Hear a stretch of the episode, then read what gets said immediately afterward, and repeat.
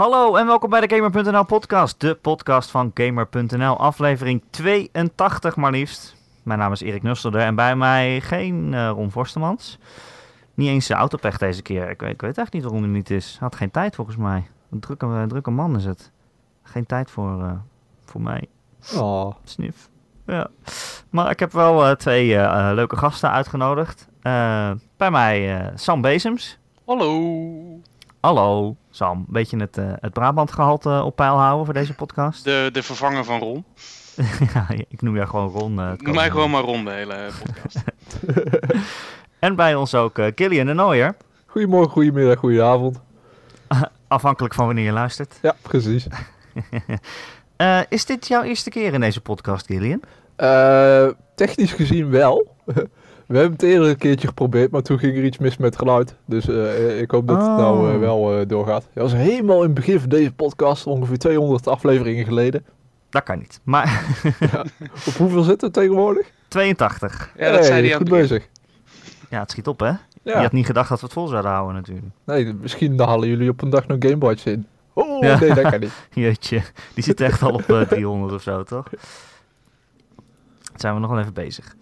Um, maar zij zijn nu één keer in de twee weken, dus we gaan wel twee keer zo hard. Ja, precies. Dat wordt makkelijk. uh, leuk dat jullie er zijn. Uh, ik heb jullie natuurlijk niet zomaar uh, willekeurig uitgenodigd. Alhoewel ik het heel gezellig vind. maar ik weet dat jullie allebei toch wel de grootste game van afgelopen weken hebben gespeeld. Namelijk Deus Ex, de nieuwe. Mankind Divided heet hij toch? Ja, nee, yes, dat... zeker. Oh ja, dat was niet de vorige. Ik haal ze altijd door elkaar. Ik vind het altijd zo op elkaar lijken. Human Revolution was de vorige. Ja, ja klopt helemaal. Ik vind het een beetje op elkaar lijken. Maar um, van tevoren waren wij allemaal super hyped. Hij staat volgens mij heel hoog in onze top 100, de nieuwe TSX. Ik weet dat jij er vooral ook heel erg naar uitkeek, Gillian. Ja, hij stond bij mij op nummer 1. Ah, dus het is jouw schuld. ja, absoluut. Vertel even, hoe hyped was je van tevoren en waarom uh, keek je er zo naar uit? Ja, verschrikkelijk hyped. Ik denk nog steeds serieus dat uh, Human uh, Revolution, uh, dus de vorige, dat is gewoon een van de meest ondergewaardeerde spellen van de afgelopen tien jaar. en met, hij wordt wel gewaardeerd, zeg maar. En hij is kritisch ja. ook goed aangeschreven. Alleen hij zou eigenlijk nog tien keer zo goed hebben moeten verko verkopen dan wat hij heeft gedaan. Wat heeft en, hij gedaan?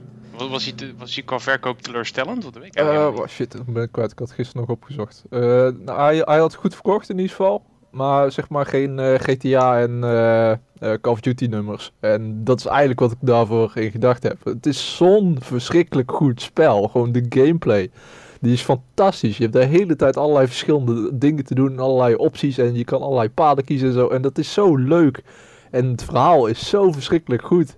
Ja, de, de, de, wereld is prachtig. En ja, eh, ik kan er niet aan uit dat, dat dat spel niet groter is, zeg maar. Dat het niet beroemder en bekender en meer verkocht en alles heeft. Ja, Sam, had jij die ook uh, gespeeld? Ja, ik heb Human Revolution uh, echt helemaal de moeder gespeeld zelf. en, weet je, uh, ik, ik denk dat ik het grotendeels met Gillian eens ben. Puur vanwege het feit dat... Ik was natuurlijk onder indruk van de mechanics. De gameplay was dik in orde en het verhaal was ook leuk. Maar waar ik echt van onder de indruk ben, is het stukje worldbuilding wat erin zit. Ja, klopt. Ik bedoel, je hebt, je hebt niet zo bizar veel grootte wat betreft levels. Je hebt aardig wat zijmissies, dat wel. Maar overal liggen PDA'tjes, uh, pocket secretaries, uh, vind je papiertjes, allerlei snippets informatie die je een beeld geven van de wereld waarin Deus Ex zich afspeelt. Met, met knikjes vooruit, want hè, de Deus Ex reeks zoals we die nu kennen met de laatste twee games, dat zijn prequels op de originele Deus Ex game die x jaar geleden uitkwam. Maar er zit zoveel rijkdom in. Er zijn zoveel verhalen verweven in, in één game. En als je daar snel doorheen speelt, dan krijg je er één, twee mee buiten het gewone verhaal. Uh, de main mission uh, en storyline. Maar als je er echt induikt en je gaat elk deurtje in, ja, daar zitten er misschien wel twintig in. Dat vind ik briljant. Ik heb ook zoveel respect ook voor de schrijvers van dit spel. Want als je nagaat, uh, de, de vorige Deus Ex, die zijn dus, nou, was het ook weer 20 jaar geleden ondertussen alweer uitgekomen of zo. Uh, nou ja, dat weet ik dus, want dat is eigenlijk de enige die ik gespeeld heb. De eerste DSX. Uh, jaar 2000 volgens mij. Ja.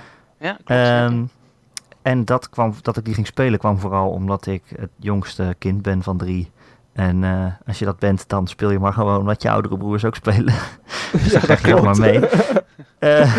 zo gaat dat in die tijd. Ja. En dat vond ik wel heel vet en indrukwekkend. Ik denk niet dat het, als je dat nu speelt, dat het nog heel erg goed overeind is gebleven. Ja, wel, ja. Wel? Ja, dat ik- vind, ja maar jij bent echt een fan, dus ik weet niet of Eh, dat ik heb ze allemaal weer opnieuw is. gespeeld. Dus eh, eh, het is. eh, eh, weet je wat grappig is aan eh, de oude Deus Ex? Die was voor zijn tijd gewoon al zo verschrikkelijk revolutionair. Daar, zit, daar zaten gameplay-elementen in. Die de meeste spellen nu nog steeds niet doorhebben, zeg maar. Eh, in die tijd had je shooters als Unreal en zo. En dat was gewoon leuk, lekker eh, rondrennen en schieten, net zoals Quake. En eh, toen kwam Deus Ex in één keer op de markt. En die had dezelfde engine als Unreal. En dezelfde looks en dezelfde vierkantheid en alles, zeg maar. Alleen je kon er allemaal dingen in doen. En slim hacken en lopen en stelt. En gewoon, zelfs zo- zoiets als stelt, zeg maar. Dat was hartstikke zeldzaam in die tijd. en dat spel had alles al. Ja, dat zat er allemaal al in. En eigenlijk was het echt een super revolutionair spel. En het is ook onbegrijpelijk dat eh, daarna nog zo weinig... eh, dat men, dat eh, zeg maar de game-industrie zo weinig daarvan heeft geleerd in de jaren daarna. Dat niet iedereen erop is gesprongen en Deus Ex games is gaan maken.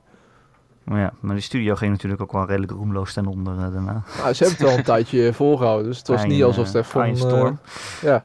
Maar het kwam meer door Daikatana natuurlijk. Ja, precies daarom. Dus het was niet alsof, alsof, alsof een slecht voorbeeld was of zo van, eh, van- een game of van iets dat zou gaan mislukken. Het was gewoon een hartstikke goed spel ook in die tijd. Dus, Ja. ik heb dat nooit helemaal begrepen. Grappig, grappige plek in de geschiedenis ook. Met, met Iron Storm en al die grote namen die allemaal aan Daikatana aan het werken waren. En dan hadden ze ook nog een team die ergens in een hoekje zat Deus Ex te maken. ja. En dat is eigenlijk een heel goed spel geworden en Daikatana niet zo. ja, klopt. Ehm, dus ik heb eigenlijk alleen die gespeeld. Ik heb wel geprobeerd eh, die vorige te spelen, Hu- Human Revolution, maar ik kwam daar niet zo in. Ik weet niet wat het is. Ik ben ook Nee, niet meer zo van de stealth gameplay. Ik word altijd gezien en dan moet je maar weer gaan schieten. En dan denk ik... Maar, ja, maar het, het hoeft niet natuurlijk. Het want hoeft waar, niet. waar de meeste mensen toch wel, naar mijn idee, die stealth optie kiezen, ben ik ook juist nu in, eh, in Mankind Divided. Heb ik gezegd, weet je wat, fuck dat sluipen. Ik ga gewoon eens een keer voor de frontale aanval. Trap de deur in en maak maar zoveel mogelijk geluid als je kan. Puur om daar een keer mee te breken. Want altijd maar stealth, dat wordt zo saai. Ja, laten we inderdaad eh, naar, de, naar het nieuwe spel gaan. Ehm, want hoe zit het met eh, de, de gameplay? Is het inderdaad zo dat je alles zo aan kan pakken als je wil? Absoluut. Eh, het is gewoon precies dezelfde formule als dat hiervoor was. Dus je kan, eh, even om een voorbeeldje te geven. Eh, er zit een eh, casino in, in Mankind Divided ergens onder de grond. En daarvoor, de opties om daar binnen te komen zijn onder andere door een gaslek heen. door een achterdeurtje waarvoor je een stel kisten moet verschuiven. Door een rooster, zo'n ventilatorrooster, ik ben even de naam ervoor kwijt, waar je doorheen kunt kruipen, kun je er binnenkomen. Eh, je kan, even kijken, er is nog zo'n stapeltrucje waarmee je er binnen kon komen. Je, je kan jezelf naar binnen schieten. Eh, en je kan gewoon bij de deur aankloppen en vragen van, hey, mag ik binnenkomen? Eh, en het stom is, bij al die andere opties, eh, dan moet je echt naar binnen sluipen. Of je moet naar binnen stormen om iedereen neer te schieten. Eh, hoe dan ook, het is allemaal heel moeilijk en eh, ingewikkeld en eh, eh, eh, actievol. Ehm, terwijl bij de optie, als je gewoon jezelf naar binnen lult, dan ben je gewoon vrienden met alle criminelen die, die, die, daar binnen staan. En dan zeggen ze gewoon, oh ja, je mag gewoon rondlopen hoor, en alles pakken is prima. Maar het, het grappige is, weet je, de- deze, deze specifieke missie waar je het over hebt, dit is eigenlijk al niet eens een main storyline mission. Die, die krijg je pas na een beetje doorvragen ergens. Ja. Wat het op zich al een soort van aftakking maakt die niet iedereen mee zal maken. Maar je zegt nu, je kunt er binnen sluipen en dan, ja, dan moet je of knallen of sluipen. Eh, maar je hebt ook die meer, dat stukje waarbij je dus gewoon jezelf naar binnen kunt eh, ja, praten. En op dat moment ga je wel bepaalde gevolgen aan, wil je daar binnen kunnen blijven je maakt een afspraak met iemand. En vanwege spoilers zal ik niet zeggen wat het is. Maar Ja. je, je, je neemt toch een aardige last op je om daar vrij rond te kunnen lopen. Dus ja, het is de makkelijkste optie. Want je bent zo binnen. Maar dat krijgt nog wel een staartje. En dat vind ik zo, zo schitterend aan, aan de Deus Ex games. En laten we dan even op Mankind Divided en Human Revolution houden. Er is weinig wat je doet wat geen gevolgen heeft. En ook gevolgen die direct traceerbaar zijn. Niet een of ander vaag indicatortje links onderin wat zegt, nou, deze factie vind je iets minder aardig. En dat moet je dan tien keer doen en dan heeft het daadwerkelijk resultaat. Want dan koop je iets en dan is het, weet ik veel, 20 dollar duurder. Maar er zitten daadwerkelijk gevolgen aan die je niet kunt negeren. En waar je in het, nou, wat verder in de game ook ja, of profijt van kan hebben, of heel erg spijt van kan krijgen. Oké, maar dat klinkt dan wel uitgebreider nog dan de vorige. Want bij Human Revolution had ik het idee dat het... Oké, je kon wel kiezen, maar dan koos je A, B of C. Van oké, je kan of hier een, een terminal hacken... of je kan hier uh, door, de, uh, door, de, door de vents naar binnen sluipen... of je gaat gewoon met je geweren door de voordeur. Ja, nou, ze hebben, bij, uh, bij Human Revolution zat één keuze eigenlijk... en die zat helemaal aan het begin. Uh, dan moest je of uh, bij, uh, bij de startmissie moest je meteen naar voren rennen en de missie gaan doen. Of je kon even gewoon rondkloten en het spel uittesten. En dan, was je, dan kwam je te laat aan op de missie. En dan was, waren de helft van de, van de gegijzelden waren dood.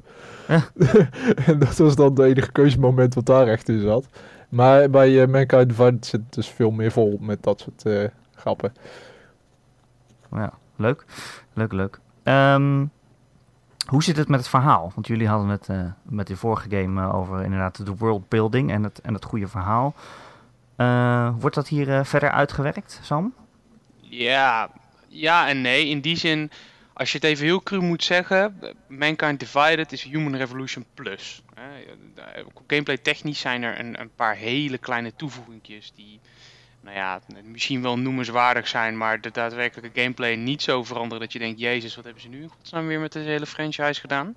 Maar verhaal technisch eh, zit er ook niet zoveel extra's in. Het blijft dezelfde formule uh, natuurlijk. Uh, Deus Ex ja. um, Human Revolution ging heel erg over die, die tweedeling tussen mensen die uh, wel augmented zijn, dus robotische, cybernetische lichaamsdelen hebben, zoals onze hoofdrolspeler Adam Jensen. Uh, en mensen die dat niet hebben, en je krijgt daar een soort van, ja, for lack of a better word, en dat, dat woord misbruikt Deus Ex ook heel erg, racisme in. Uh, ik bedoel, technisch gezien klopt het niet, maar er is wel haat over en weer. En ja. um, dat hele thema, dat, dat, dat zie je ook in, uh, in um, Mankind Divided terug. De game speelt een jaar of negen later, als ik me niet vergis. Twee en, jaar. Twee jaar? Ik dacht negen, oké, goed. Maar oh, weet je, ziet hij er ouder uit, hè? Het ik bedoel, het duurde zes jaar of zoiets voordat we dit nieuw spel hadden, maar... ja, oké, okay. 6 plus 2 is 8, is bijna 9, dus ik zit in de goede richting. Half-Life 3 confirmed. ja. Oh. Maar het, uh, het, weet je, het grijpt heel erg door op datzelfde thema. En ja, de, de situatie is vanwege incidenten in, in, uh, in Human Revolution uh, is, is stukken erger geworden.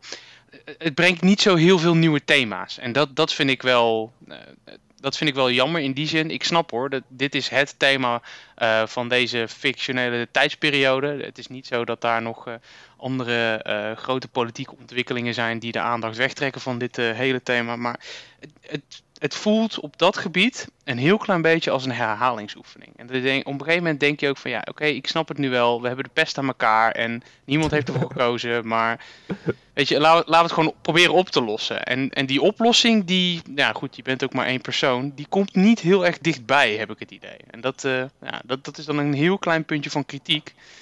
Maar ik moet wel zeggen dat de manier waarop het in, in, in beeld gebracht wordt uh, en vooral de menselijkheid die in, in zo'n uh, situatie naar voren komt, uh, ja, dat, dat weten ze als geen ander weg te zetten daar. Ja, maar ik vind nog steeds wel dat het vrij goed is geschreven. Want als je kijkt naar. het zijn allemaal prequels, deze games, aan de oude Deus Ex. En in Deus Ex was het uh, plot zo van, uh, er waren wel augmented mensen, zoals uh, je nu in deze spellen speelt. Maar dat waren er maar een paar en die werkten alleen maar voor militaire organisaties. En je komt nou, de vorige game, Human Revolution, dat was het hoogtepunt van die augmented mensen. De, de halve wereld was augmented. Dus ze hebben op een of andere manier een brug moeten schrijven tussen die oude wereld en de wereld van nu, zeg maar. Ja, en van nu in het spel ja, de, van dus, vroeger. ja, precies. de chronologie is helemaal af. Maar in ieder geval dat daar een... Uh, er, zit, er zit een logische verklaring nu in voor waarom de wereld zo is veranderd. En ik vind de manier waarop ze dat hebben uitgewerkt, zeker als Deus Ex fan, vind ik gewoon heel erg mooi. En het klopt. Zeg maar, de, de, de canon die klopt. En dat vind ik zo interessant als liefhebber van science fiction verhalen, zeg maar. Dat ze die hele wereld nu zo sterk hebben uitgewerkt dat gewoon alles interessant blijft. Ook al weet je Ja. al precies hoe de wereld eindigt. Het is een beetje dat zoals eh, dat, dat, dat eh, de eerste Star Wars film begint eh, zonder heel veel Jedi's. Ja, En dat in 1, 2 en 3 dat iedereen er nog is. ja. En dan zie je hoe ze allemaal om- omgebracht worden. Ehm, van tevoren was er toch nog wel eh, waren wat mensen die struikelden over eh, het, eh, het PR-materiaal van, rond deze game. eh, omdat Ja. er gepraat werd over mechanische apartheid. Eh, Ja. nou ja, apartheid is toch wel een, nog een geladen term die eigenlijk eh, specifiek voor... eh, Nou, nou ja, weet je, heel, gebied heel wordt eerlijk gebruikt. gezegd, het is, het is wel slim wat ze doen hoor. Want het zijn natuurlijk hele gevoelige materie. Zeker als je dat gaat, gaat vergelijken met wat er nu in de wereld gaande is. De term apartheid is, is, is een van de meest beladen termen die er is. Dus als je dat eh, zo eventjes casual in je PR-machine erin gooit, dan, eh, dan kun je verwachten dat er wat op terugkomt. Maar interessanter vind ik nog een andere term die ze gebruiken. Want natuurlijk zeker in de US is de, de Black Lives Matter beweging eh, nou, meer dan actueel. En deze ex slipt er af en toe ook een Augmented Lives Matter referentie in. En ik weet nou niet of ik dat super dom of briljant vind. Want het, het spreekt zo van, van deze tijdsgeest. Hè. Je slaat zo'n brug van, van je daadwerkelijke buiten je PC, buiten je console leven. naar wat je daadwerkelijk wel eh, in je games terugziet. Het, het, Ja. het zet meteen wel een scène. En of je dat nou Ja. leuk vindt of niet, ehm, het verwoordt heel goed wat er in Deus Ex gebeurt. Ja, maar ik vind het ook goed dat ze het hebben gedaan. Want Deus Ex is altijd een reflectie geweest van de tijd waarin het spel is ontwikkeld. De, de oude Deus Ex bijvoorbeeld, die draaide heel erg om eh, eh, overheidsorganisaties die in één keer militair, eh, werden, zeg maar. Zoals de, de VN, die zat destijds in Bosnië. En dat hebben ze toen gebruikt voor Deus Ex als thema van... hé, hey, we hebben nou van die overheidsorganisaties, die gaan samenwerken, maar ze krijgen wel militaire macht. Daar draaide dat spel heel erg om toen. Human Revolution, dat ging in één keer over was ook eh, terrorisme en zo. En toen had je net 9-11 gehad in die tijd. En op het moment is racisme weer heel belangrijk. Dus ja, dan gaan ze het hebben over eh, de scheiding tussen mensen. Dus het, is altijd een reflectie van het thema van de tijd. En ik vind het mooi dat ze dat gewoon aanpakken in zo'n spel als dit. Ze echt de tijd nemen om een verhaal te vertellen. En niet gewoon clash bang overal doorheen rammen en eh, zo is het wel goed genoeg. Ja, maar ik moet zeggen, hè, er waren dan plaatjes inderdaad van protesten en dat dan hielden ze bordjes omhoog met eh, All Lives Matter erop. Eh, ik moet zeggen dat toen ik dat zag, dacht ik wel van oeh, dat is die toon kunnen ze volgens mij beter niet pakken, want het zijn echt gewoon heel erg serieuze zaken die nu eh, in Amerika en ook wel in andere landen spelen over eh, zwarte mensen die gewoon gediscrimineerd worden, doodgeschoten worden door politie en zo. En daar, daar komen die protesten vandaan. Dus dat zijn echt wel heel zware en belangrijke onderwerpen in onze wereld. En of je dat dan zo in een spelletje moet stoppen. eh, eh, en vooral of je dat zo in een PR-campagne moet stoppen om een beetje aandacht te genereren, dat vind ik wel heel cru. Maar, Ja. maar tegelijkertijd zeg ik dat zonder iets van het spel te weten. Dus eigenlijk mijn vraag aan jullie is: hoe wordt dit onderwerp behandeld? Want ik kan me nog wel voorstellen dat als je echt iets eh, zinnigs te zeggen hebt over wat, over wat er nu in onze echte maatschappij gebeurt. En je wil dat eh, op zo'n manier vertellen door het in een game te doen en in een fictieve setting eh, te doen, dat je er dan nog mee wegkomt. Maar als je het gewoon gebruikt om het te gebruiken, weet je wel, dan, is het, dan slaat het echt de toon finaal mis wat mij betreft. Ja. Dus hoe, hoe wordt dat aangepakt in de game? Ik vind dus dat het goed wordt gebruikt. Kijk, als het alleen maar als loze term in de achtergrond wordt gebruikt, kijk, dan ben je verkeerd bezig. Dan is puur achtergrondvulling. Maar het spel draait er letterlijk om. Dit is Deus Ex Mankind Divided. Dat dit is waar het hele spel om draait. Dus het is geen loze eh, eh, gedachte of zo. D- dit, ze zitten alles tot in de top uit te werken. Adam Jensen, de held, is zelf eh, ook al heeft hij letterlijk de halve wereld gered in het vorige spel, is maar een augmented gast die bij ieder poortje, bij iedere metro eh, op zijn paspoort moet worden gecontroleerd en eh, op iedere hoek eh, wordt beledigd.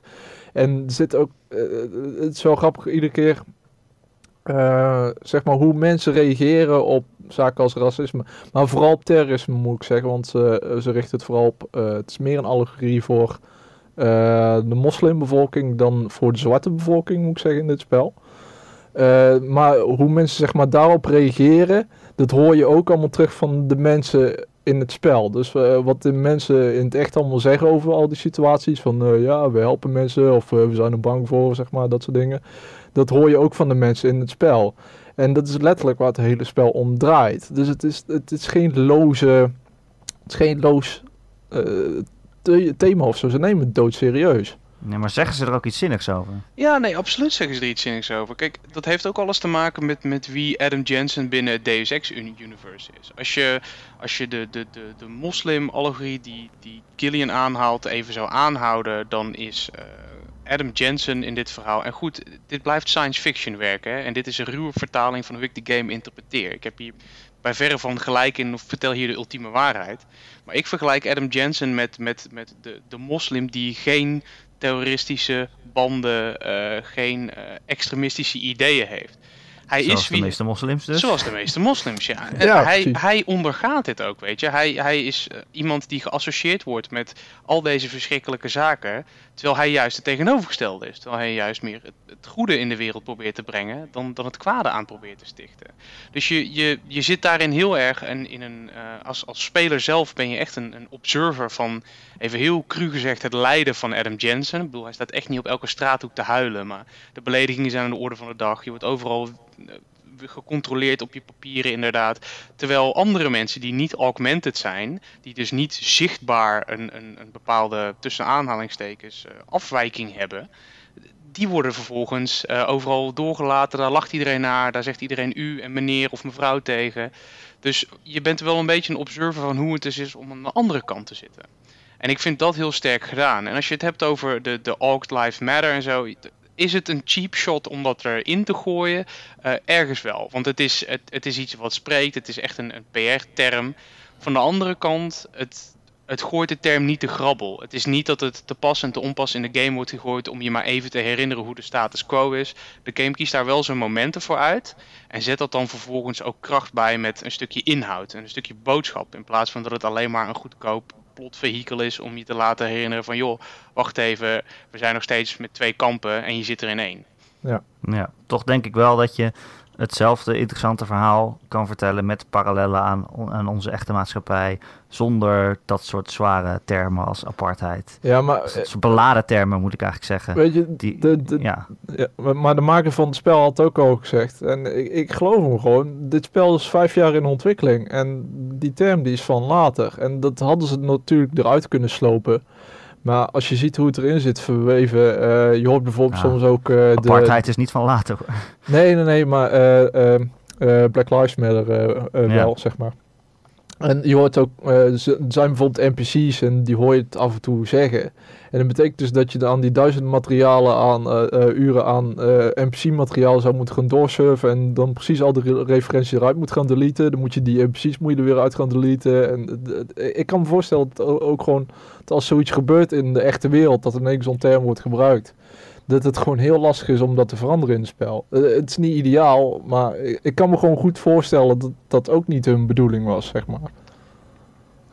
Ik snap het ook wel. Maar ja, nou, tegelijkertijd. Nou ja, daar moeten we het dan misschien oneens over blijven. Dat ik tegelijkertijd wel ja. denk dat je die ook zonder dat soort termen hetzelfde verhaal Kijk, dezelfde impact kan hebben. Ik, ik denk dat ik voor, voor het Black slash Auged Lives Matter kamp nog wel wat te zeggen heb. Omdat dat gewoon, eh, hè, dat is zo recent. Daarmee haal je misschien bij sommige mensen een, een hele verse wond open. Nu wil ik niet zeggen dat apartheid niet vers is voor mensen. Of niet, eh, niet actueel is voor mensen. Of nog hele diepe sporen heeft nagelaten. Maar het, het is bijna, weet je, racisme is ook niet één kant op. Waar eh, racisme tegen eh, eh, zwarte mensen veel aanweziger is en een veel groter probleem is dan dat het naar eh, Aziaten of eh Caucasische mensen is. Noem het maar op. Het werkt ook de andere kant op. En ik denk niet dat je de term teniet kan doen door te zeggen dat is ooit een keer zo actueel geweest en dat heeft nog zo'n lading. Het bestaat maar niet. Als je dat gaat negeren als, als, als mediawerk, of het nu een game of een film is, dan ben je denk ik ook niet goed bezig. En het is wat Nou, anders als zeg het een dat goedkope je- zet is.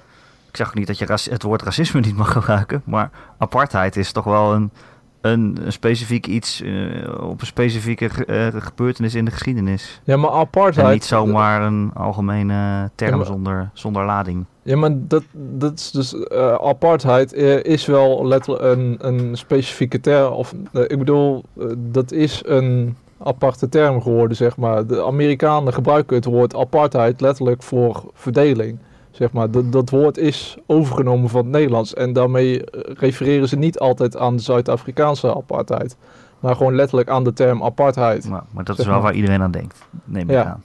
Maar het is, een, het is gewoon een woord geworden in de Amerikaanse taal. Dus ik, ik kan begrijpen dat ze het gewoon op die manier hebben gebruikt en niet specifiek naar Zuid-Afrika refer- refereren. Ah, Oké, nou laten we loskomen van de, deze S, eh, SJW-discussie. en het weer verder over de game hebben. ja. Ehm, want anders komen we er toch niet uit. Dat, is, dat hoeft ook helemaal niet. Eh, die augmentations. Zijn er nog eh, nieuwe leuke dingen die we kunnen doen? Ja. ja. En nee, en dat, dat is de, een van de grootste krachten, denk ik, van het systeem. De Adam Jensen die je nu tegenkomt eh, ten opzichte van de Adam Jensen die je achterliet in, eh, in eh, het vorige deel, die is nagenoeg hetzelfde. Sterker nog, zoals in zoveel games, je begint weer met al je augmentations uit het vorige deel. Eh, en eh, vervolgens eh, raak je ze gedeeltelijk kwijt. Wat een, Wat een verrassing! Ja, wat een verschrikkelijk vehikel. Eh, Oh, ik heb er zo'n hekel elke aan. game ooit. Maar goed, zo is het nu eenmaal. Alleen er zit een hele kleine spin op. Eh, net zoals dat eh, non-augmented mensen naar de dokter gaan, gaan ook augmented mensen naar de dokter. En die zijn dan net wat anders. Ehm, dat doet Adam Jensen dus noodgedwongen door het niet nader te noemen incident, waardoor hij zijn krachten kwijtraakt. En dan blijkt toch dat alles wat in Adam Jensen gepropt is, waarvan wisten, niet het enige is wat erin gepropt zit. Oh jee. Er zit namelijk ergens een zwart gat bij Adam in zijn geheugen. Hoe toevallig, hoe conventioneel. Alweer. En ehm, uiteindelijk eh, blijkt dat er wat meer in zijn lijf zit. Een aantal nieuwe augmentations, experimenteel. En zodra je daar eentje van activeert, dan eh, wordt eigenlijk je hele systeem overbelast. Dus wat moet je doen? Om te zorgen dat je systeem toch stabiel blijft, moet je een andere augmentation uitschakelen. En dat, dat dwingt je eigenlijk al vanaf dag 1, of althans dat zou je moeten dwingen, om eh, een speelstijl te kiezen. Waar je bij andere, waar bij het vorige deel van DSX daar eh, ook zelf natuurlijk het meeste voordeel uit kon halen door je of op stealth augmentations of juist die full frontal attack augmentations kon focussen.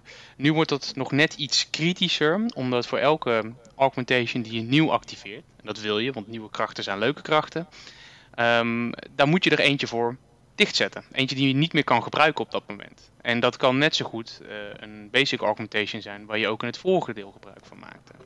Dus eh, dat maakt het wel interessant om ditmaal je loadout te kiezen. Oké.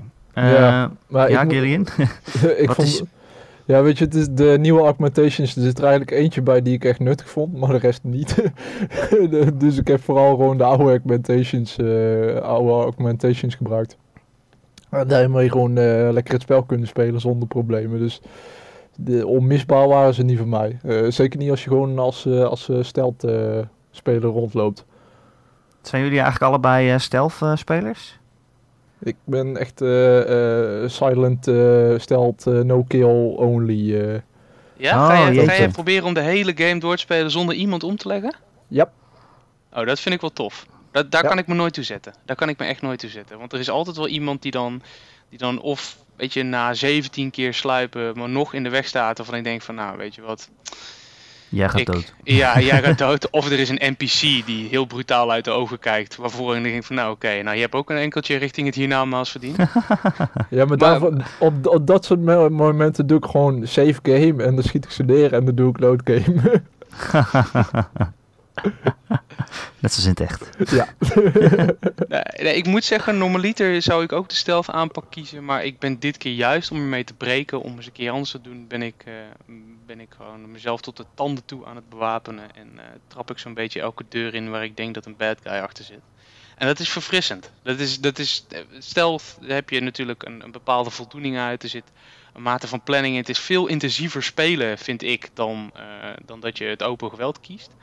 Maar Ja. het zorgt wel voor een stukje speelgemak. Ik merk toch dat de aandachtspannen voor games eh, soms gewoon wat korter is. En als je dan nog steeds eh, levels door moet sluipen en dan eh, vijf minuten moet zitten wachten tot één bewaker datzelfde rondje maakt en net dat hoekje omloopt dat het langs kan, dan verlies ik op een gegeven moment gewoon interesse. En hoewel ik merk dat ik minder beloningen heb, weet je, ik gooi wat, wat, wat letterlijke en figuurlijke deuren dicht omdat ik deze aanpak kies, houdt het voor mij wel de vaart erin. Ja, ik vind het juist fijn om lekker de tijd. Maar ik speel zeg maar ook games als Hitman.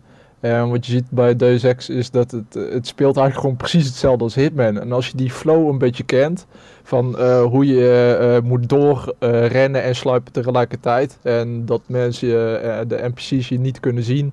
eh, dan krijg je er een bepaalde vaart in. Waardoor je eigenlijk niet zo heel erg wordt ah, afge, afgeremd. Eh, dat is iets waar je misschien moet oefenen door veel stelgames te spelen. Maar eh, het voelde mij precies hetzelfde als Hitman, waarbij je gewoon in twee minuten een heel level kunt eh, doorkruisen. Als je gewoon met een bepaalde vaart overal in en uitsluipt en doorrent. En eh, dat is wel te doen hoor, op snelheid.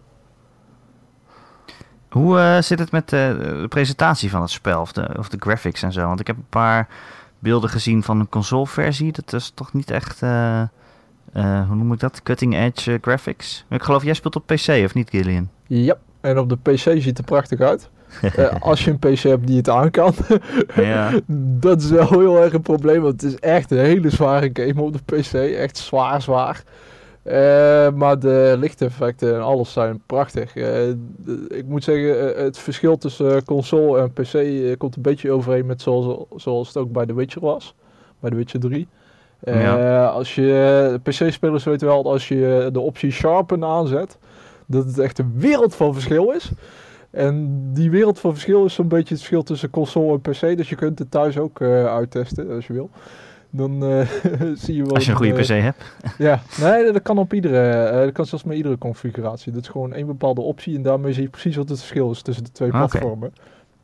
Maar de PC is echt prachtig met allerlei spectaculaire lichteffecten en zo. Het heeft geen deze. hoe heet het ook weer? eh, DX12 eh, ondersteuning, maar dat komt nog wel.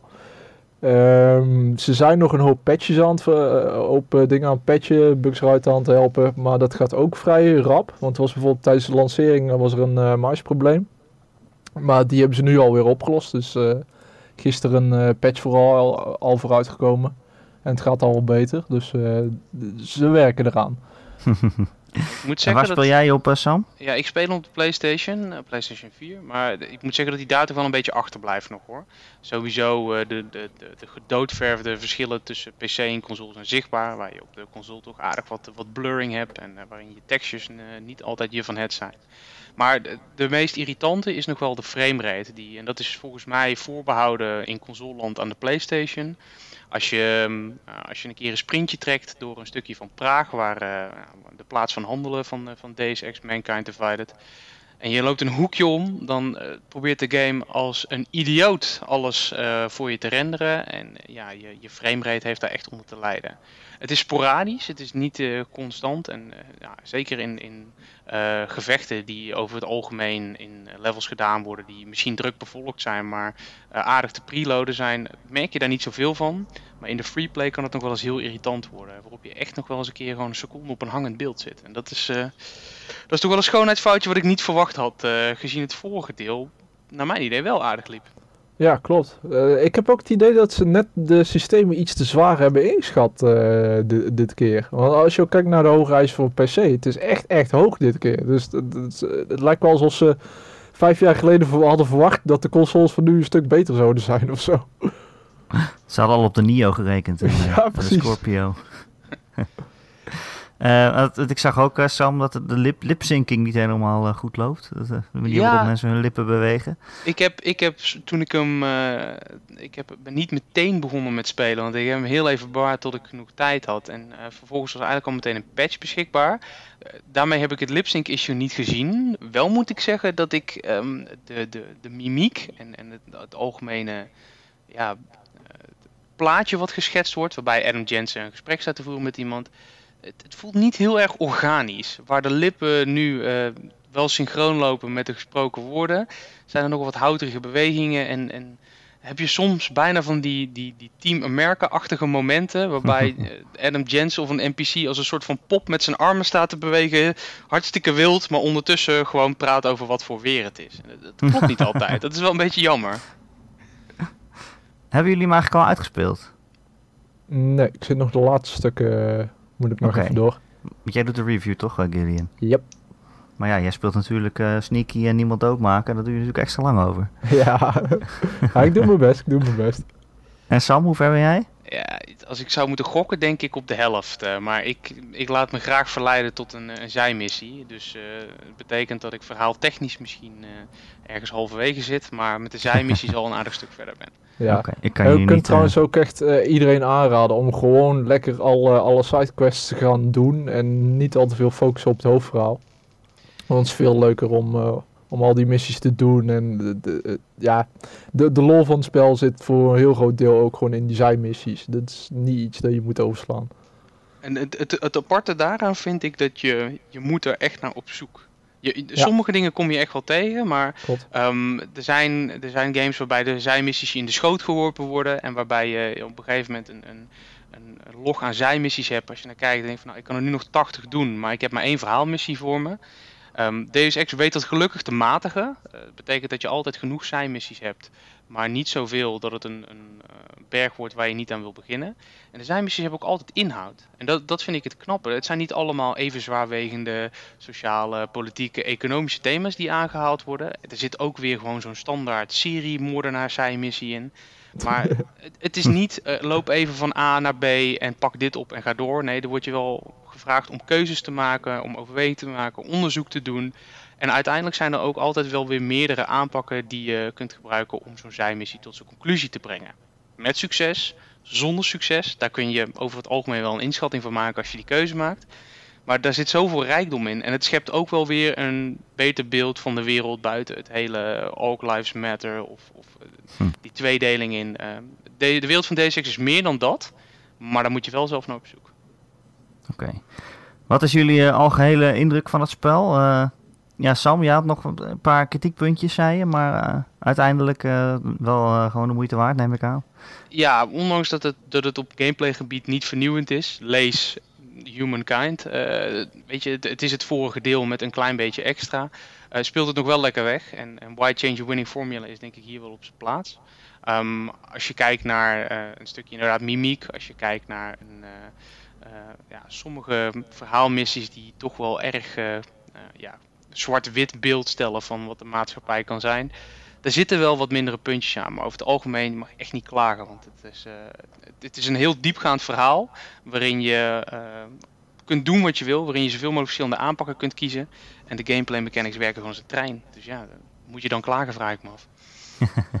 Gillian, jij als Deus Ex eh, fanboy, Ja, ben, je weer, ben je weer op je wenken bediend? Eh, niet helemaal, moet ik zeggen. Ehm, het, het klopt, de, de basis van het spel is weer eh, gewoon precies wat je wilt.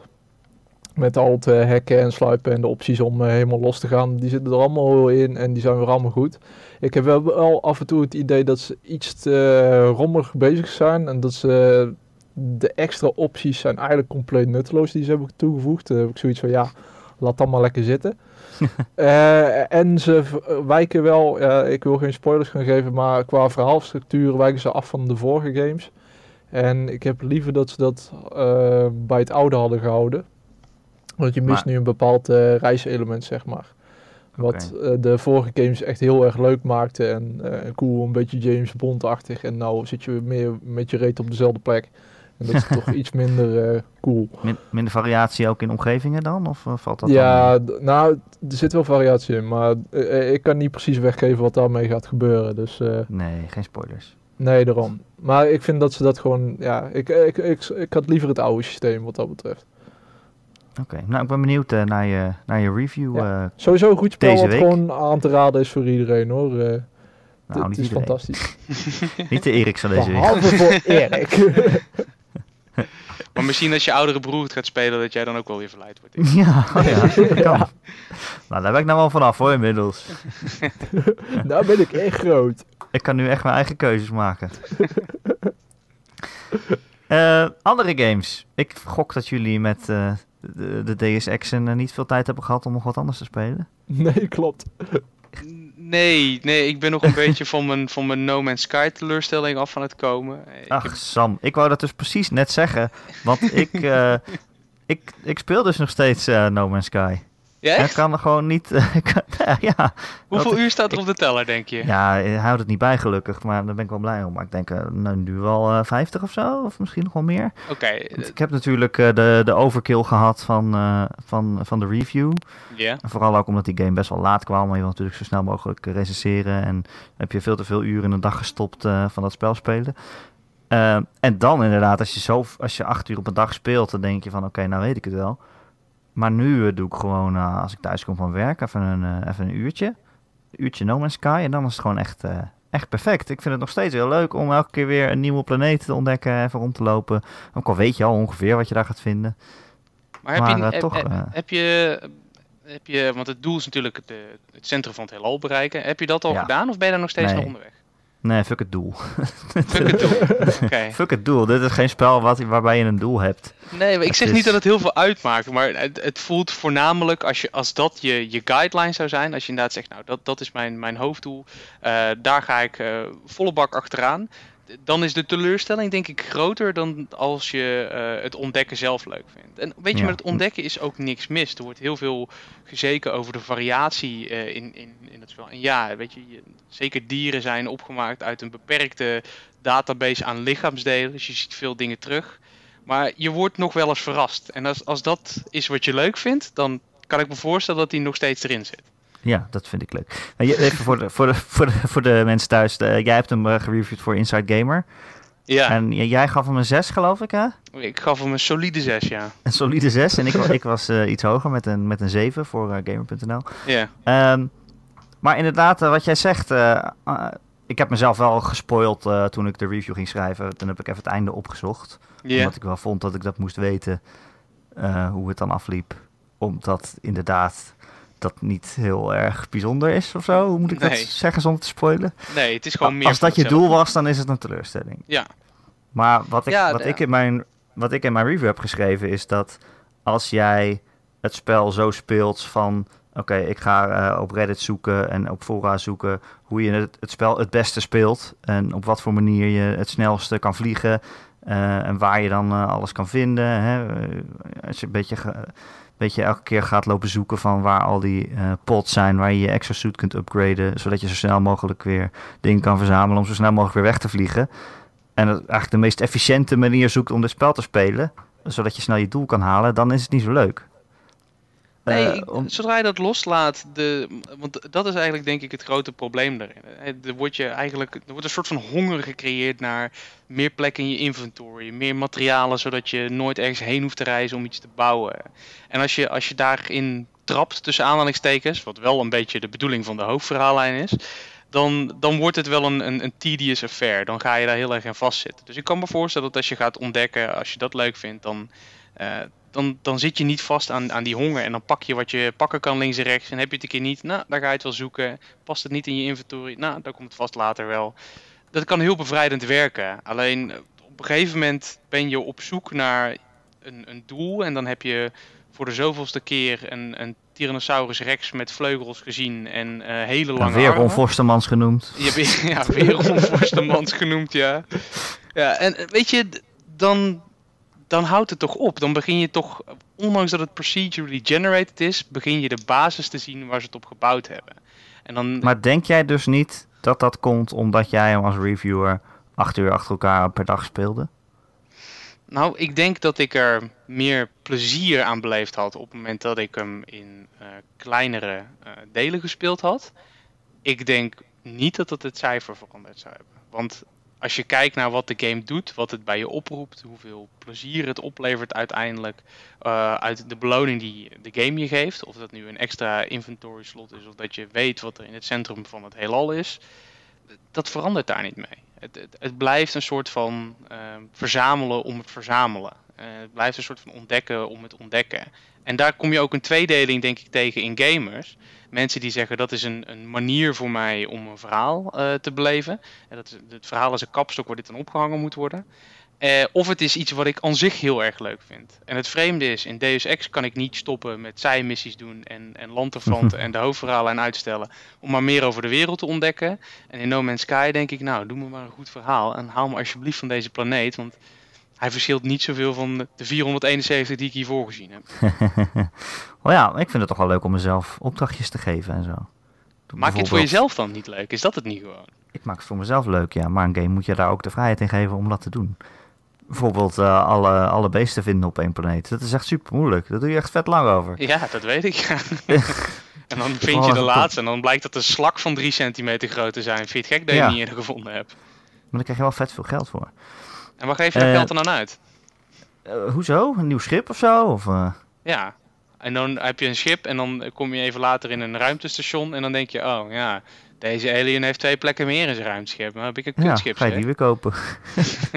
Heb je weer wat om voor te sparen. Dat vind ik juist leuk. Maar ik ben nu wel, ik denk dat ik het nu wel ongeveer misschien wel klaar mee ben. Ik wil nog wel even het einde halen voor mezelf. Alleen Ja? ik heb dus ooit eh, één of twee van die Atlas Stones verkocht. Oh shit, ja. Eh, en die kostte 2,5 miljoen om weer terug te kopen. Ja, doorreizen Dus, dus. eh, dus dan ga ik. Dat, maar dat vind Eerst dacht ik van oké, ik ben er weer klaar mee. Ik ga nu even eh, proberen het einde te halen. En, en toen kreeg ik dit, dit dus inderdaad, dat ik ze weer terug moest kopen. Toen dacht ik, oh leuk, dat heb ik weer een doel om te behalen. Dan moet ik nu 2,5 miljoen verdienen. Hoe zal ik dat gaan doen, weet je wel? Ga ik nu goud mijnen? Of ga ik inderdaad alle dieren op de planeet vinden? Want daar krijg je vet veel geld voor. Of wat ga ik doen? Ga ik handelen? Ik vind dat wel Ja. Grappig. ben, Maar ik toch weer, ben ik toch weer hoekt. hoe, hoe, hoe lang duurt het nou realistisch om nou eh, in het centrum van het hele hal te komen? Want ze zeiden van tevoren dat het allemaal eh, heel lang zou gaan duren. Maar dat valt Nee. dan wel mee? Of? Het, eh, ja, het valt wel mee. Het hangt er ook inderdaad vanaf hoe je het speelt. Als je het speelt zoals ik en je gaat eigenlijk alleen maar eh, op onderzoek uit overal, dan eh, kan je er lang over 2017. doen. ja, maar als je speelt zoals eh, Sam, dan... eh, ja, nee, op een gegeven moment, als je echt, eh, als je echt de, de, de gameplay een beetje in kaart hebt en je gaat gewoon grinden, dan, dan is het in 20 uur te doen. Ah, Oké, dat is vrij snel. Ja, maar, Maar maar het dan ben je ook ook een echt beetje- alleen maar daarmee bezig. Dat is niet leuk hoor. nee, ik snap niet waarom je dat zou doen. Het hangt ook een beetje van mazzel af volgens mij. Want ik deed er heel lang over voordat ik die upgrade vond waarmee je je hyperdrive kunt upgraden, zodat je verder tegelijk kan vliegen. Want het is gewoon eigenlijk een soort van random wanneer je die krijgt. Ehm, Toch? Of heb, je, of heb ik iets gemist? Nee, ja, eh, natuurlijk, er zijn bepaalde punten die vast eh, liggen in eh, No Man's Sky. Er zijn bepaalde speciale ruimstations, zonder het te willen verklappen voor mensen die er toch nog aan beginnen. die wel bij, de, bij het tweede of het derde sterrenstelsel waar je komt aanwezig zijn, altijd. Ik weet niet of dit fixed is. Ik dacht eigenlijk van wel, want ik kreeg hem Ik vrij snel. En toen dacht Oh ik, ja, oh, ik kreeg nou, hem vrij laat. ah, Oké, misschien Ja. zit daar toch nog een stukje randomness in. eh. Ja, ik kreeg hem gewoon van een random alien volgens mij ook. Maar dan, eh, ja, als je die hebt, dan kun je verder tegelijk eh, vliegen en dan, ja, dan gaat het steeds sneller. Oké, En Dus, Sam, zit ja. je in het centrum van het universum? Zie je daar nou gewoon een heel groot hoofd van Peter Molyneux of niet? Ja, zou je, zou wel, zijn je zou wel denken dat met zijn ego dat, dat het grootste zwaartekrachtveld is in het hele sterrenstelsel. Ja. Ja. maar nee, nee. Alhoewel, het het wel weer, de, de conclusie is wel hier heel Molyneux-esque hoor. De, de- Peter Molyneux mag dan fysiek niet aanwezig zijn eh, in het begin. In geest is hij eh, meer dan allemaal aanwezig. En De dat kun je goed vinden, ja. dat kun je fout vinden. Maar ja, ik was er niet heel gelukkig mee. Oké, dus er komt wel zo'n boodschap in midden in één van eh, de grootste beloning is de reis zelf. Nou, je zit, Oh.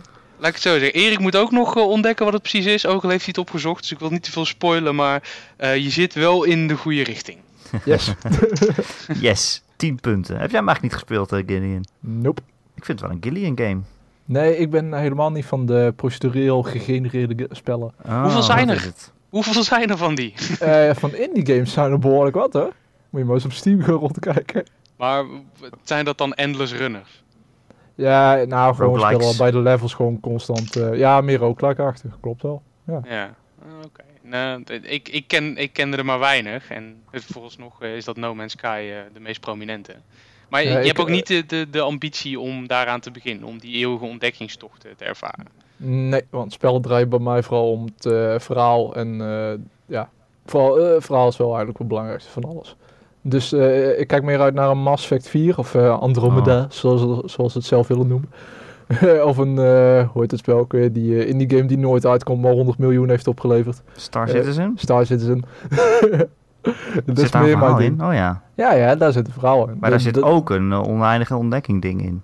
Ja, maar het is meer, het is gemaakt hè. Dat, dat, dat Ja. spel is niet procedureel en dat maakt heel veel uit voor mij. Ik hou niet van als ik spellen kan voorspellen. Eh, ik wil graag de hele tijd verrast worden en van door mensen bedachte omgevingen zien. Dat, dat is gewoon meer. Daar haal ik veel meer eh, lol uit. Ja, dus je hebt liever dat het universum dan gewoon een stuk kleiner is, maar dat het gewoon eh, met de hand gemaakt is, zodat eigenlijk overal iets leuks te vinden is. Ja, Wat hier natuurlijk niet zo is, want dat je soms gewoon zit je... ja, dat je de hele tijd wordt bezig gehouden. De, ik heb er altijd veel bewondering voor als, eh, als eh, vooral zeg maar missieschrijvers als die de hele tijd weer nieuwe dingen weten te vinden en karakters uit te diepen en zo en echt gebruik maken van de thema's van hun wereld en van hun lore. Als ze daar echt iets moois mee te constru- construeren dat je de hele tijd verrast. En ja, dat, dat kan gewoon niet bij procedureel ge- Nou, ah, rot, gegenereerde spellen. nou, je wordt misschien niet constant verrast, maar... Kijk, natuurlijk, ik speel ook heel veel games voor het verhaal, maar ik vind dit gewoon ook leuk. Eh, maar ook, ik denk juist omdat dat ik bijvoorbeeld een uur heb rondgelopen op een planeet waar niet zoveel was. Dat Oh, gewoon houd erop. een, een, een steenplaneet was.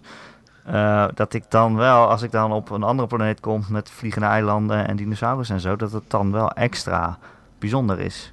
Ja, Ja, ik, ik- ik, ik mijn, een van de mijn beste maar- momenten komt eigenlijk uit wat iets wat normaal heel kut zou zijn. Je moet natuurlijk resources verzamelen in No Man's Sky. En ik land op een gegeven moment met mijn, eh, met mijn niet vooruitdenkende harsjes op een, eh, een steenplaneet. En ik denk, nou weet je wat, ik haal zo nog wel wat eh, plutonium op, want dat is een beetje de brandstof die je voor een je ruimteschip gebruikt. En ik waggel een eindje verder en ik vind mijn point of interest. En ik denk, oh nou aardig, weer een upgradeje. En ik loop terug en ik wil wegvliegen en mijn tank is leeg. Oh, nou ja, dan haal ik wel wat plutonium. En ik loop twee minuten geen plutonium. Ik loop vijf minuten geen plutonium. Ik loop een kwartier geen plutonium. Ik heb uiteindelijk twee uur rondgezworven op een planeet. Ja, echt twee uur. Waar gewoon helemaal niks was. En eh, als een soort van vrede grap. Ik ben in een rondje gaan lopen. Want ik dacht wel, oké, ik moet mijn ruimteschip niet kwijtraken. Want dan ben ik helemaal te zak. Want het was Maar ook geen blijft kleine eh, planeet. op je kaart staan natuurlijk. Hij blijft op je kaart staan, maar als je ver genoeg wegloopt, verdwijnt dat ook. En dan moet je hem op Echt? een andere manier terughalen. Ja, Oh. ja, ja. Dus op een gegeven moment, ik ben een rondje gaan lopen. En als ik bij mijn ruimteschip niet rechtsaf, maar linksaf was gegaan, was ik binnen twee minuten van de planeet af geweest. Maar uiteindelijk heb ik gewoon twee uur rondgelopen. En vond ik nou op zo'n, op zo'n 400, 500 meter van mijn ruimteschip genoeg brandstof om weer weg te vliegen. En hoe, hoe kut dat ook is, op het moment dat je rondloopt denk je, maar ja, voor zover er realisme in deze game zit, is dit wel realistisch. Ik had gewoon vooruit moeten denken en met een volle tank moeten gaan vliegen. het is een In plaats van denken, nou, ik denk wel even ondertussen. Ja, want je kan, als je je schip kwijt bent, kan je bij sommige paaltjes eh, wel je, schip weer oproepen eh, door een bypass chip te maken. Alleen volgens mij kost die ook plutonium. ja, precies. En meestal staat rond die, rond die dat hebben ze dan natuurlijk wel weer zo gedaan, meestal rond zo'n zo'n zo'n klein hutje of zo'n outpost, daar staat dan wel wat plutonium. Genoeg om in ieder geval één keer op te stijgen en ergens anders het wel te gaan halen. Maar ja, ditmaal niet. Ik heb inderdaad daar gestaan en denk, nou, bypass chip, let's go. En dan niet genoeg resources hebben om je schip op te roepen. Ja, ja frustrerend, maar vreemd genoeg wel heel leuk. Oké. Ja, nou, ik, ik ga hem denk ik binnenkort gewoon het einde halen en dan eh, de game weer in de kast leggen. Totdat er misschien meer updates zijn eh, die nog wat interessants toevoegen. Maar ja, weet je, ik heb er toch eh, heel veel plezier aan gehad. Heel veel uur, tientallen uren. Dus eh, voor mij was het geld wel waard. En Dus voor jou eh, is de boodschap in het midden zo meteen al goed. Nou ja, het De gaat maar niet eens om wat er in het midden zit. het ging, maar gaat maar gewoon om dat ik er plezier mee heb gehad. Ja, Ik- niet ik denk wel dat dit- een punt te hebben. Ik denk wel dat dit typisch zo'n game is, zoals je al zegt, Erik. Dat wanneer, en dat ze nog even kijken eh, hoe eh, Hello Games het oppakt. Maar ze hebben plannen voor deze game. Het helpt niet dat eh, een beetje elk groot digitaal platform nu je in staat stelt om je geld terug te vragen. Dat zal de bankrekening van Hello Games ook geen goed doen. Maar even voorgenomen dat er genoeg geld overblijft, kan ik me voorstellen als je No Man's Sky over een jaar bijvoorbeeld, of over zes maanden misschien wel, opnieuw in je console stopt of uit je Steam library opstart, dat het een heel ander spel is. Want er zijn Oh, maar weinig ja. toevoegingen nodig om wel echt meer diepgang te brengen. En, en of in ieder geval, meer diepgang, want er zit wel wat in. Maar om gewoon nieuwe elementen te brengen die het in één keer heel erg leuk maken. Om dat procedureel gegenereerde universum als canvas te hebben. Waarop allerlei toffe gameplay ligt. Als je elkaar ja. alleen al op zou kunnen zoeken. Het zou zoveel verschil maken. Ja, dat weet ik dus niet. Kijk, die, die updates waar ze het over hebben, die zijn allemaal dingen waarvan ik denk, hmm. Want je hebt het over elkaar opzoeken en een soort multiplayer ervan te maken, maar dat, dat is juist het punt van die game is voor mij ook juist, of een van de punten is dat je zo alleen bent in zo'n gigantisch universum. Ik bedoel, ik ben de enige mens die ik heb gezien. Alleen maar gekke aliens die je niet verstaat verder. En ik vind dat wel bijzonder. En ik denk dat je dat een beetje kapot maakt als je gewoon iedereen de hele tijd overal ziet, ziet vliegen. Uh, maar hoe bijzonder dus- is het als je, als je, laten we zeggen, een actieve playerbase van 2 miljoen man hebt? Ik noem maar even een wild getal. En er zijn 18 quintiljoen planeten. De kans dat je iemand tegenkomt is verschrikkelijk klein. Maar mocht je iemand tegen willen komen, mocht je dat op willen zoeken, dan zul je misschien een paar planeten hebben in het universum waar hubs ontstaan, waar mensen wel naar elkaar toe gaan en zoeken. En dan wordt het ontdekken van dingen die juist nog niet gevonden zijn weer interessanter. Stel dat je iets zou kunnen gaan bouwen. Ja, kijk, dat is ook een update waar ze het over hebben. Dat je een basis kan bouwen op een planeet. Maar ook dat gaat weer, voor mij althans, een beetje tegen het punt in van die game. Namelijk dat je een soort nomade bent en van stelsel naar stelsel vliegt. Ja. Ik bedoel, ik ben nog nooit teruggevlogen naar een stelsel waar ik al geweest ben. Dat is ook vet moeilijk trouwens op die kaart, want je kan, je kan dat helemaal niet vinden. Nee. Um, dus dan zou je een soort huis gaan maken waar je steeds terug naar zou moeten of willen vliegen. Uh, terwijl je al uh, lichtjaren, miljoenen lichtjaren verwijderd bent van die plek. Ja, is dat niet juist in... uh, grappig? Ja? Zo, als je misschien lost in space zou zijn, dat je dan juist het idee zou willen hebben dat voor sommige mensen dat ze juist een huis zouden willen bouwen of zo op dat moment. Maar hoe ver ga je dan nog verkennen? Hoeveel sterrenstelsels ga je dan nog wegvliegen als, het, als je 16 warp drives moet bouwen om weer terug te komen daarna? Ja, maar dat kan dus juist interessant zijn. Dat je dan niet meer weg wilt vliegen. En alleen nog maar alles in je buurt wil gaan verkennen. Oké, ja, Maar dan, dat, is, dat gaat dus een beetje voor mij tegen het punt van het spel in. ja, ik weet, niet, uh, ik weet niet of ik dat zo'n goed idee vind allemaal. Maar goed, uh, we gaan het zien. We zullen het vast niet zomaar implementeren als het uh, slecht is. Nou ja, dat, dat hoop je. maar voor mij is het wel echt heel erg een single player uh, rondzwerfervaring. En, en door er multiplayer aan toe te voegen en door er basis aan toe te voegen, uh, maak je er weer iets heel anders van. Maar zit je ondertussen ook tv te kijken of zo? Of ben je volledig op het spel zelf geconcentreerd? Nee, ik ben niet zo'n ADHD'er die elke vijf minuten uh, zijn telefoon erbij moet pakken. Oké. Mijn vriendin heeft het altijd. Dan zit ze op de bank en dan zit ze te spelen. En dan moet ze ondertussen ook nog de telefoon naast hebben liggen. Of een tablet of wat dan ook. Oh ja, zo ben ik ook hoor. Ja? ja? Oh, dat kan ik echt niet. Dat kan ik echt niet. Dan denk ik van ja, maar dan, dan, dan, dan koop ik een game en dan, dan ga ik die beleven. En ik beleef het maar voor 70% omdat ik constant op mijn telefoon zit tussendoor. Dat ik net dat ene subtiele grapje mis of dat ik eruit word getrokken uit het universum om even aan mijn vriend Erik te bevestigen dat we inderdaad vanavond helemaal naar de kloten gaan. Weet je, dat, dat, is het me niet. nou, zeg, nou heb ik al plannen gemaakt voor vanavond. uh, hoe, ga je, hoe ga je dan uh, VR-games spelen, Gideon? Uh, met moeite.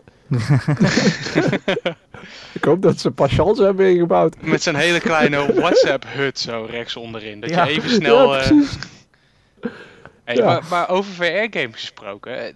Wat is de laatste VR-game die jullie gespeeld hebben, if any? Al is oh, het maar kort een demo.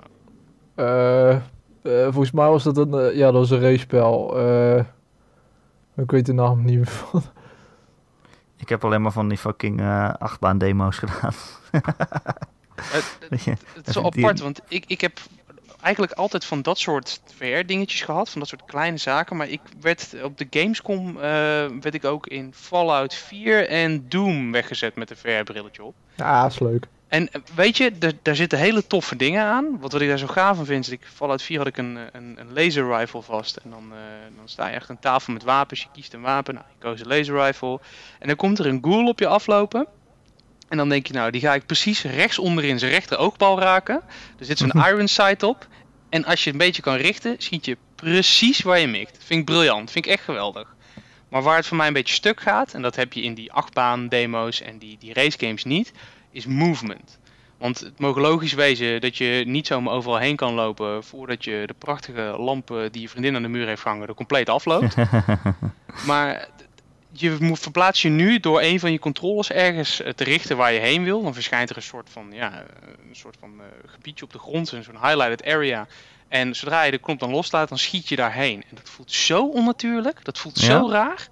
Want op het moment dat je... Ja, het is, het is bij wijze teleporteren, ja. Dus dan heb je ook in Doom, dan komt er een of ander gigantisch monster op je af. En dan denk je, oké, ja, nou, niet zo heel veel zin om helemaal tot pulp vermalen te worden. En ik heb maar nou, een rocket launcher waar ik één keer per eh, 10 seconden mee kan schieten. Dus dan wil je uit de weg stappen. En het voelt als vals spelen, want je teleporteert achter dat ding, je, je, je herlaat, je schiet erop en hij is dood.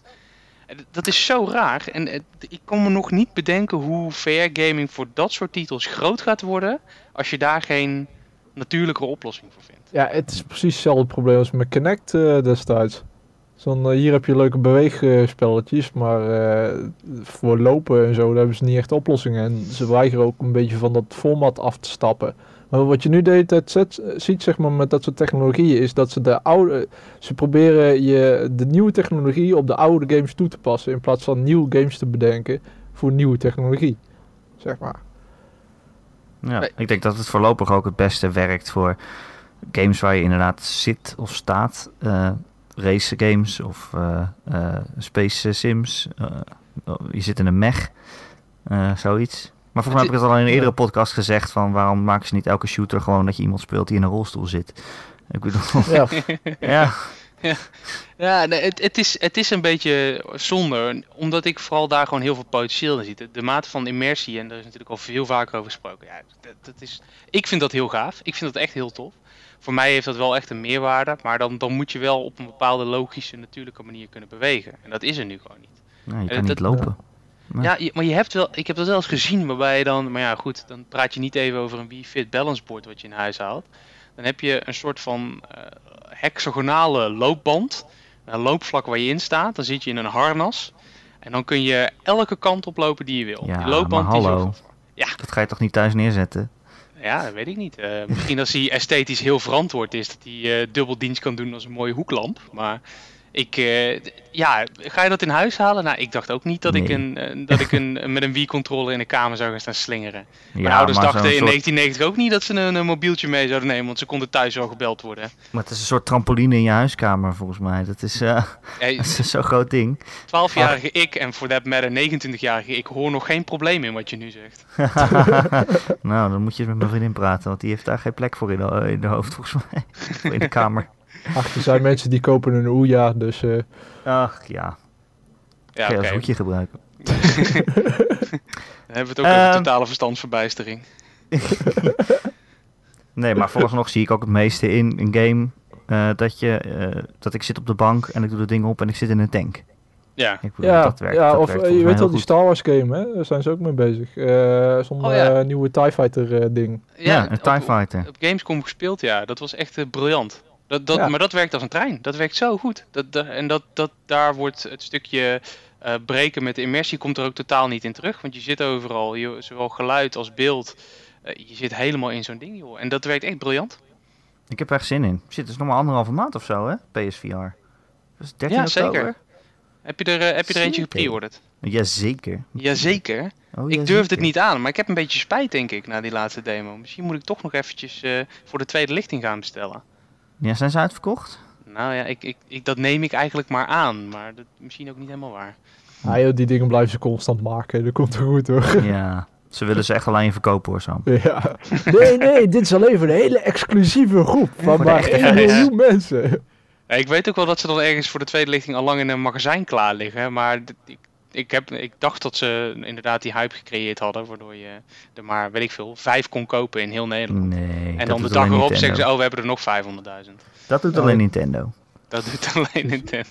Kunnen ze het PR-bericht zetten. Ja, we hebben alles uitverkocht. Er waren maar 10. Ook maar- toch nog eentje, dus dubbele prijs. Ja. Ja, precies, ja. Nee, maar het, het is wel heel vet. En ik, ik, had, het er, ik had het er met, eh, met eh, Martin eh Verschoor van Inside Gamer nog over. Die speelde, die speelde Batman VR. En die zegt, ja, dit- weet je, daar net als in de, de, de Rocksteady games... Je, je onderzoekt crime scenes en dergelijke. En dat is hartstikke leuk. Maar er is niks vreders dan zelf die handschoenen aantrekken... en voor een virtuele spiegel dat masker op je hoofd zetten. Ja, En ik- daar ik- heb ik echt zin in. Ja, dat lijkt me zo vreed. Dat lijkt me, dat, sowieso ben ik een, een Batman-fan puur zang. Maar dat, die maat van immersie is toch tof? Dat, dat, je hebt niet meer dat je zegt van ik speel met eh, een Adam Jensen bijvoorbeeld. Maar ik ben Adam Jensen. En als ik, Ik het nu ben. zeg, voel ik mezelf een beetje vies. Ik voel mezelf een beetje kinderachtig. Maar tegelijkertijd voel ik me ook heel lekker. Wat als je een een... keertje zeggen, ik ben Batman. Eh, Dat zeg Oh, ik ja, heel vaak. Maar dan wil ik er ook virtueel uitzien als Batman. Batman! Ik hoop dat ze een VR-spel maken waarin je Sam Besems bent. Oeh. En dan Ja. kunnen wij in jouw schoenen staan, maar als jij dan je VR-bril opdoet, dan zie je gewoon precies hetzelfde als wat je al zag. Ik denk dat je qua speeltijd waarvoor je geld krijgt, qua actie kan het nog wel eens teleurstellend worden. Korte, korte acties van, eh, van twee minuten per keer. Ja, dat ligt eraan. Als je de andere vriendin DLC erbij haalt, is dat weer een ander verhaal. Eh, VR, we moeten er nog even op wachten. Net zoals eh, op de nieuwe Gamer.nl podcast. Nog een hele week moet je wachten, maar dan is hij er weer. Elke maandag kun je hem downloaden via onze website gamer.nl of eh, beluisteren via ons YouTube kanaal. Deze week even niet op YouTube, want Gijs is op vakantie en ik weet niet hoe het moet. Uploaden naar YouTube. Nee, ik weet niet. Je moet je eerst een video van maken van een audio daar heb ik geen zin in. Eh, maar ik weet wel hoe iTunes werkt, dus daar kan je hem wel gewoon eh, downloaden. Dan kan je gewoon abonneren op iTunes. Dan krijg je hem elke week op al je Apple producten. En als je toch op iTunes bent, vinden we het ook heel fijn als je een keer een recensie achterlaat. Gewoon een aantal sterretjes eh, kun je aanklikken. Je kan ook nog een tekstje bijzetten over wat we wel of niet goed doen. En als je dat doet, dan zijn we weer beter vindbaar voor nieuwe luisteraars. Dat vinden wij heel erg fijn. Eh, als je geen Apple hebt, dan zijn we ook vindbaar op allerlei andere podcast services, zo u wilt. Heb je een vraag eh, voor de podcast of een opmerking of eh, een- onderwerp wat je graag wil dat wij een keer behandelen? Bijvoorbeeld als Ron weer terug is, volgende week hopelijk. Dan kun je mij mailen, erik.gamer.nl, erik met een k, gamer.nl. Of je laat gewoon een berichtje achter onder het artikel waar deze podcast in staat op maandagochtend op gamer.nl. Sam, Gillian, leuk dat jullie allebei te gast wilden zijn. Graag gedaan. Ja, no problem. Cool. Ik vond het gezellig. Idem detail. Misschien heb ik nu wel zin om de- deze extra te spelen ineens. Gewoon doen. Als ik No Man's Sky uit heb, dan heb ik daar eindelijk tijd voor. Ehm, en eh, eh, de rest, eh, alle luisteraars, graag tot volgende week. Ik zit alleen toch even te kijken of ik nu zeker weet dat mijn audio ook binnenkomt. Ja, je moet wat zeggen en dan zie je hem uitslaan. Ja, maar je bedoelt dat wiggeltje boven. Oké, dan is het goed. Ja hoor. Wiggle, wiggle. Wiggle, wiggle. Wiggle, wiggle. Sorry, ik werk, stop. ik werk in de audiovisuele industrie, stop. maar ik blijf het gewoon wiggles noemen. Wiggle. nou, je wiggles zien er goed uit, Sam. Ja, zeker. Ik Ja, wiggle. als lekker een Ja, wiggle. wiggle. Dan wiggle je helemaal de moeder.